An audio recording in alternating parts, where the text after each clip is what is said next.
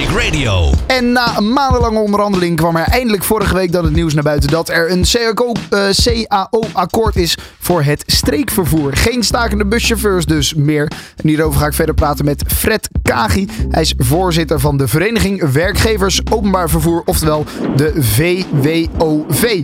Ja, Fred, uh, goedemiddag. Goed nieuws denk ik. Voelt het als een uh, opluchting dat er een uh, akkoord is? Ja, dit is een buitengewoon grote opluchting. We hebben, we hebben er lang over gedaan. Ja. Ik denk als je alles optelt, zo 60 uur onderhandeld. Maar het is wel fijn dat, er, dat we nu in ieder geval een onderhandelingsresultaat hebben, moet ik officieel zeggen. Omdat alle achterbanden zich er nog over uit moeten spreken. Maar het is, uh, uh, het is wel fijn dat het er is. Ja, inderdaad. 60 uur dus, uh, zoals je net zei, dat er onderhandeld moest worden. Waar lag nou vooral het probleem in deze onderhandelingen? Ja, dat is een complexe puzzel.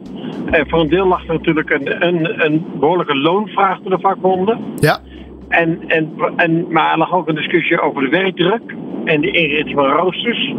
En er was nog een, er was nog een punt rond ouderenbeleid. Eerder stoppen voor oudere werknemers. Dus het was een, alles bij elkaar een heel complex uh, uh, verhaal. Ja, ja. En, en, en als er dan zoveel nou ja, uh, verschillende meningen zijn, dan moet natuurlijk ook water bij de wijn gedaan worden. Door beide partijen, denk ik in dit geval. Zeker. Ja, ja. ja dat is altijd zo, hè? Ja. Dus uiteindelijk moet je het samen oplossen. En de, en, de, en, de, en de sleutel die we gevonden hebben uiteindelijk is de lengte van de CAO. We hadden in eerste instantie een bod gedaan op 17 januari voor een CAO van één jaar. En we hebben nu afgesproken dat we er 27 maanden over doen. En dat we de, en de loonsverhogingen en de invoering van een aantal maatregelen ook gedurende die, die periode gaan doen. Ja, Dat betekent dat de mensen het uiteindelijk krijgen, maar dat betekent voor de bedrijven dat ze de kosten ook een beetje kunnen uitsmeren. ja, en dat ze daar dus inderdaad ook al rekening mee kunnen houden. 27 maanden, 15% meer loon zie ik, als het goed is, hè? Ja, klopt. Ja. Ja. En daarnaast nog een eenmalige uitkering van 1000 euro. Ja, omdat we hebben, uh, de loonsverhoging, de eerste loonsverhoging, gaat in op 1 mei. En uh, de CO gaat in op 1 januari. Dus hebben we een eenmalige uitkering afgesproken om dat te overbruggen, zeg maar. Dus dat is eigenlijk een soort met terugwerkende kracht de loonsverhoging. Ja, niet helemaal, maar zo zou je het wel kunnen noemen. Ja, oké. Okay. Um, de, de, de, de leden van inderdaad uh, de, een aantal bonden moeten zich, zich hier nog over uitspreken. Uh, wat verwacht jij daar zelf van? Nou ja, ik, ik, ik heb geen idee wat die natuurlijk gaan vinden. Want dat zijn die leden van die bonden. En wat ik nu begrijp is dat vakbonden gaan informatiebijeenkomsten houden. Ja. En daarna gaan ze het digitaal voorleggen aan al hun leden. En ja, wij wachten braaf af wat daaruit komt. Ja, ja.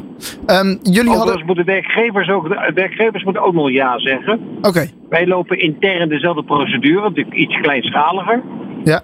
Maar de bedrijven, ja, die moeten ook even kijken wat betekent dit akkoord nu voor hun eigen bedrijfsvoering. Dus we hebben ook in het VWOV-verband met de bedrijven ook nog een discussie. Daar is ook nog geen formeel ja. Het is een onderhandelingsresultaat. Dus dat betekent dat ook wij zijn een vereniging. Ook wij moeten nog gewoon ja zeggen. En dat gaat de komende week ook gebeuren. Ja, dus dat wordt natuurlijk ook met uh, nou ja, de werkgevers van, het, uh, van de OV-sector wordt dat dus besproken. Ja. Uh, maar voor nu ziet het er allemaal goed uit. dat is dus wel een constatering ja, die kijk, we kunnen het goede, nieuws is, het goede nieuws is dat er een resultaat ligt. En het goede Ja. nieuws is dat die stakingen van de baan zijn. Daarom. Zodat reizigers gewoon weer kunnen vertrouwen op het openbaar vervoer.